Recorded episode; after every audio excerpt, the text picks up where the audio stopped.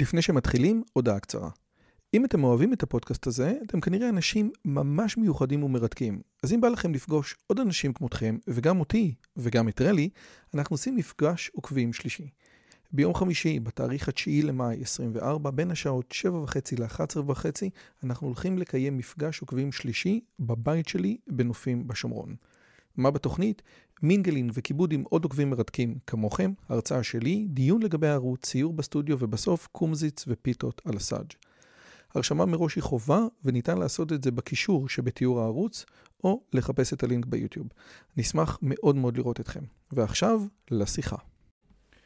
האם בית המשפט העליון מגן על הדמוקרטיה או האם הוא הורס אותה? שלום לכולם וברוכים הבאים לערוץ שלי, ערוץ שמדבר על השכלה, אינטליגנציה וגם איך לגרום לכם לדבר על דמוקרטיה בצורה יותר חכמה בשיחת הסלון הבאה שלכם. והיום, דמוקרטיה. בימים אלו שופטי בג"ץ בהרכב מלא מתכנסים כדי להחליט האם בנימין נתניהו יכול להיות ראש הממשלה תחת זה שיש לו כתבי אישום עם לאו והרוחות סוערות. יש אנשים שאומרים שבג"ץ מגן על הדמוקרטיה ויש כאלה שאומרים שבג"ץ פוגע ברצון העם. אני חושב שכדי להסביר את הדברים האלה בצורה יותר טובה ואינטליגנטית צריך להבין מה פירוש המילה דמוקרטיה.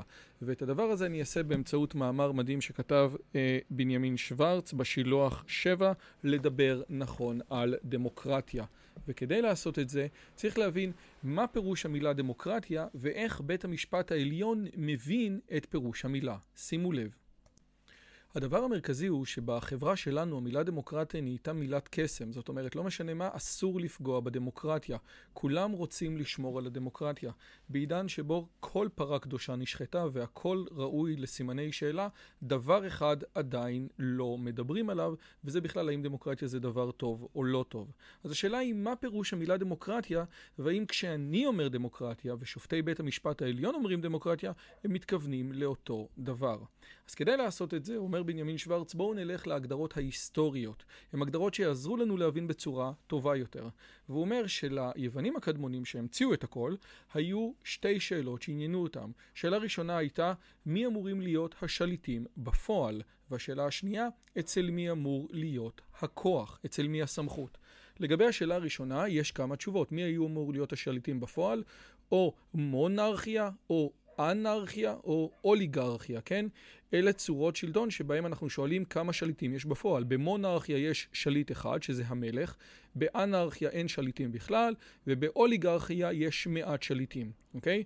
השאלה השנייה עסקה במי, אצל מי אמור להיות הכוח, כן?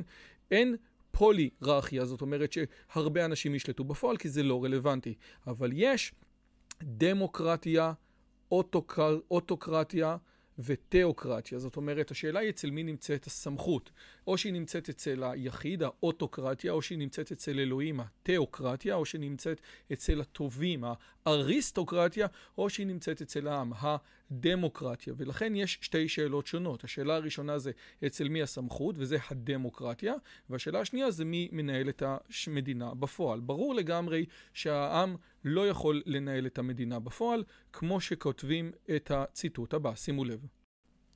לא נותר לדמות שהעם נותר מכונס ללא הפסקה כדי לעסוק בעניינים הציבוריים. זה ציטוט של רוסו, אבל ציטוט שבעצם אומר, תכלס העם לא יכול דה פקטו לנהל את הדברים שלו, הוא צריך לבחור את הנציגים שלו, כן? אבל הרעיון שהסמכות נמצאת אצל העם, כמו שאנחנו רואים באספה. הרבה אנשים לא אהבו את הרעיון של דמוקרטיה. אפלטון, שעליו אמר ליבוביץ', שהוא אבי אבות הפשיזם, היה אחד המתנגדים הגדולים ביותר לדמוקרטיה. הוא בז לרעיון הזה שהמון העם יחליט. זה באמת רעיון מוזר. כאשר יש לנו שאלות, ואפלטון שואל, כאשר יש לנו שאלה של למי לבנות ספינה, כן? איך לבנות ספינה? אנחנו הולכים למומחים.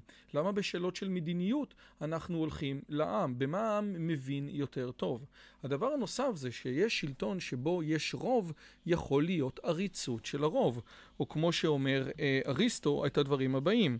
ומי ראוי שיהיה ריבון על המדינה? האם המון העם? העשירים? הראויים? או שמא איש אחד שהוא טוב מכולם? הטירן? הרי בסופו של דבר הוא אומר את הדבר הבא. האם אין בזה צדק כאשר הרוב מחלקים ביניהם את, רכוש, את רכוש המיעוט? לצורך העניין רוב העם הוא עני. אם העם, אם תהיה דמוקרטיה לחלוטין, אז הרוב שהוא העני יחליט שהוא מחלק את הרכוש של המיעוט שהוא העשיר. בדמוקרטיה בצורה פשוטה ביותר תמיד, ה, תמיד המיעוט נמצא במצב שהוא בעייתי. זה תמיד היה וזה תמיד יהיה. ולכן אריסטו מדבר על איזושהי תופעה שהיא אמורה להיות גם כזה וגם כזה. דמוקרטיה מצד אחד, אבל לדמוקרטיה יש לא מעט בעיות, ולכן צריך לרסן אותה עם איזושהי אוליגרכיה, עם איזשהו רעיון אחר. זה דבר שהוא ממש קריטי.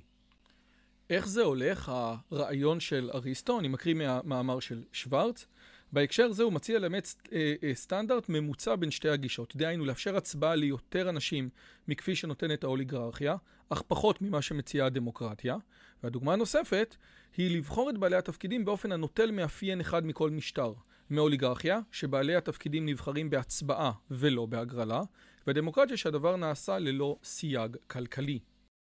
למעשה, כאשר אנחנו מדברים היום על דמוקרטיה, אנחנו מתכוונים למשהו שהוא הרבה יותר דומה למשטר של אריסטו, מאשר לדמוקרטיה במובן הטהור שלה. מהמאה ה-17, עם כל הרעיון הזה של זכויות האזרח והזכויות הטבעיות, עם המהפכה של ג'ון לוק והסובלנות, פתאום מבינים שהרעיון של דמוקרטיה הוא ממש ממש בעייתי. הדמוקרטיה יכולה לייצר עריצות של הרוב, והדמוקרטיה יכולה לפגוע בזכויות הפרט של היחיד. זאת אומרת, אם יהיה לך שלטון דמוקרטי באמת, זכויות המיעוט, זכויות היחיד, ייפגעו. וכדי לעשות את זה, צריך לרסן בצורה משמעותית את הדמוקרטיה. זאת אומרת, דמוקרטיה כשלטון, יש בה משהו בעייתי. בהקשר הזה אני אגיד שהרעיון של דמוקרטיה הוא, הוא אומר את הדבר הבא. זה באמת נכון שהמומחים מבינים יותר טוב מהמון העם, אבל זה רק אומר שכאשר, אבל, אבל מתי זה קורה? כאשר המטרה היא לעשות את הדבר הנכון. כאשר המטרה היא לעשות את הדבר הנכון ביותר, המועיל ביותר עבור המדינה, אין עניין ללכת אל העם, אלא יש עניין ללכת אל החכמים. אתה לא שואל אנשים באיצטדיון מה דעתם על תורת הקוונטים, זה לא באמת משנה כי אתה רוצה את האמת. אבל אם אתה חושב ששלטון, מטרתו זה לעשות את רצון העם, ללא קשר לשאלה האם רצון העם הזה יוביל אותם לנקודה טובה או לא טובה, אז דמוקרטיה, שזה ההצבעה של הרוב, היא-היא הדרך הטובה ביותר להבין מהו רצון העם, כן? אחד רוצה ככה, אחד רוצה ככה, אתה שואל את, את העם. ברור לגמרי שדמוקרטיה זה לא הדבר שמביא אולי לתוצאות הטובות ביותר, אבל זה הדבר שבצורה הטובה ביותר מבטא את רצון העם. ואם הסמכות אצל העם, הדבר הזה הוא משמעותי. הרעיון הבעייתי של דמוקרטיה הביא את האבות המייסדים של האומה האמריקאית לבוא ולהגיד, תקשיבו, אנחנו לא רוצים אפילו לדבר על דמוקרטיה, אנחנו רוצים לדבר על הרפובליקה. ומדיסון אומר את הדברים הבאים: בדמוקרטיה טהורה, וכאן הכוונה לחברה המורכבת ממספר קטן של אזרחים המתכנסים ומנהלים את הממשל באופן אישי, שום דבר לא ירסן את הפיתויים להקריב את הצד החלש יותר, או להקריב יחיד שנוא. משום כך הדמוקרטיות הללו היו מאז ומתמיד זירות לסערה ומדון. מאז ומתמיד נמצא כי הן אינן מתיישבות עם ביטחון הפרט ואף לא עם זכויות הקניין. בגלל הסיפור הזה אנחנו מציעים רעיון אחר, רפובליקה. זאת אומרת, האבות המייסדים של האומה האמריקאית, הרפובליקה הזאת אומרים, חברים, חייבים לרסן את הדמוקרטיה. איך נרסן? על ידי שלטון של אנשים טובים, על ידי אנשים שאולי אפשרו להגיד בזים להמון העם ומסתכלים בצורה שהיא מעבר לאינטרסים האישיים שלהם. האריסטוקרטיה הזאת, או כמו שטוקוויל יקרא לה בספרו הדמוקרטיה באמריקה, טוקוויל מקשר בין האריסטוקרטיה של האומה האמריקאית ובין מה שנקרא המשפטנים, זאת אומרת התווך, זאת אומרת המעמד של המשפטנים והשופטים באומה האמריקאית זה מה שנקרא האריסטוקרטיה. הם האנשים שהם, הם, שהם בזים להמון עם ועושים את הדברים הנכונים. אני אגיד מה שטוקוויל אומר. לדעת טוקוויל, המשפטנים מתאפיינים במומחיות מקצועית ממוסדת, מעמד חברתי גבוה, תחושת עליונות, בוז לשיקול דעת ההמון, בוז לשלטון העם, זיקה לסדר, חיבה לדקדוקי נוהל. כל אלה מביאים את האריסטוקרטיה לתובנה כי, אה, את ה, כל אלה מביאים את טוקוויל לתובנה כי קצת מנטיותיה ומהרגליה של אריסטוקרטיה חבויים בשורש נשמתם של המשפטנים. זאת אומרת, האריסטוקרטיה האמריקאית לפי טוקוויל יושבת על ספסלי עורכי דין ועל כס השופטים. וזה הדבר המשמעותי. זאת אומרת, מבחינת טוקוויל, מה שאמור לרסן את הדמוקרטיה, או זה האריסטוקרטיה, ואיך שהיא, סליחה, מבחינת האבות המייסדים של האומה האמריקאית, מה שאמור לאזן את הדמוקרטיה, זה האריסטוקרטיה, ולפי טוקוויל היא באה לידי ביטוי אצל המשפטנים בארצות הברית. בהקשר הזה חשוב להביא את העמדה של ישעיהו ברלין, שבמאמר שלו, שתי מסות על חירות, הוא מדבר על שני סוגי חירויות, חירות חיובית וחירות שלילית. ההבדל בין השתיים הוא הבדל משמעותי כדי שנבין איפה עומד בית המשפט העליון של מדינת ישראל. אז הוא מדבר על הדבר הבא, הוא אומר שחירות שלילית, או המושג השלילי של החירות, עסוק בראש ובראשונה בשאלה עד היכן מתערב הממשל בעניינים הפרטיים שלי. במובן זה אני חופשי כל עוד אף אחד לא מתערב בפעילות שלי. המשמעות של חירות בהקשר הזה זה היעדר מכשולים למימוש תאוותיו או מאווייו של האדם. מה זה חירות חיובית? זה השאלה מי שולט בי. במובן זה החירות משמיעה השאיפה מצידו של היחיד להיות האדון שלו עצמו. זה מושג של מימוש עצמי שלפיו מידת החופש שלי היא המידה שבה אני מממש את הפוטנציאל האנושי. אני חופשי אומר בנימין שוורץ, במובן החיובי כל עוד אני יכול לומר שאני הוא השולט בעצמי. זאת אומרת, הדמוקרטיה והחירות החיובית זה דבר שמשתלב יופי, כי אם לצורך העניין אתה, הדמוקרטיה זה שאתה שולט בעצמך, זאת אומרת שהעם שולט בעצמו, אז ככל שהאזרח שותף באופן משמעותי בשלטון, ככל שהחיבור בין הדמוס לקרטוס חזק יותר, שבין העם לבין השלטון הוא חזק, יוצא שהאזרח מציית לחוק, הוא בעצם מציית לעצמו. זה הרעיון של חירות חיובית. ברלין די שולל את החירות החיובית ובעצם מדבר על השירות, על החירות השלילית, על הרעיון הזה שחייבים למנוע מהשלטון להתערב. ברלין בעצם אומר, חבר'ה, לדמוקרטיה יש בעיה וחייבים לקחת תפיסת עולם ליברלית כדי להגן עליה. ופה אנחנו מגיעים למהפכה שעשה אהרון ברק, והוא עשה מהפכה בחסות מילה אחת שכולנו מסכימים עליה. כולנו מסכימים שדמוקרטיה זה דבר טוב, וראינו כבר משטרים אפלים, אבל השאלה היא למה אנחנו מדברים. אהרון ברק לוקח את מה שברלין טוען שזה לב הליברליזם, כן? ההגנה על המיעוט, ובעצם אומר שזה לב ליבו של הדמוקרטיה. והדבר הזה הוא באמת דבר שהוא ממש ממש בעייתי. ברק אומר את הדברים הבאים, הוא אומר כזה דבר, הדמוקרטיה מבוססת על שני אדנים, האחד ריבונות העם, ודמוקרטיה בהיבט זה מזדהה עם שלטון הרוב, עם המרכזיות של הגוף המחוקק, שבמזכרתו פועלים הנציגים של העם, אבל זה ההיבט הפורמלי. מה ההיבט האמיתי של הדמוקרטיה? זה שלטונם של ערכים, פרט לשלטון הרוב. זה מה, הערכים האלה הם מה שמאפיין את הדמוקרטיה. אלה ערכים ליברליים, אלה ערכים שמי שבא ושם אותם על השולחן זה האריסטוקרטיה כפי שהיא באה לידי ביטוי על ידי המשפטנים. ואלה ערכים של זכויות האדם ועקרונות יסוד ו- ושלטון החוק ועצמאות השופטים.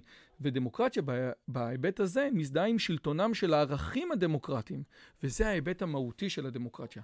זאת אומרת, כאשר בית המשפט העליון עכשיו אומר, תקשיבו טוב, אמנם העם אמר את דברו באיזושהי קונסטלציה, כן, של 61, זה גם לא כזה מדויק. אמנם העם אמר את דברו, אבל זה רק בצד הפורמלי.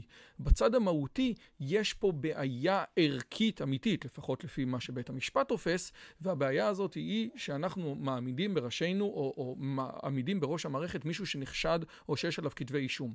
הדבר הזה, אומר ברק, זה לב ליבו של הדמוקרטיה, כאשר ברור לגמרי שכל ההוגים מאז ומתמיד אמרו לא, זה הליברליזם, כן? זה בדיוק אותם האנשים, זה אותם הדברים שאמורים לרסן את הדמוקרטיה. האם ליברליזם זה דבר טוב? בוודאי, ראינו שדמוקרטיה זה דבר בעייתי. אבל בנימין שוורץ אומר פה את הדבר הבא. הוא אומר ש...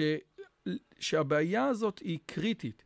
כי למה? כי ברק בעצם, אהרון ברק, ולכן ואחריו כל בית המשפט העליון, משתמש בעצם במילה שכולנו מסכימים שהיא טובה, ולתוך המילה הזאת יוצק תוכן שהוא לא באמת התוכן האמיתי שלה.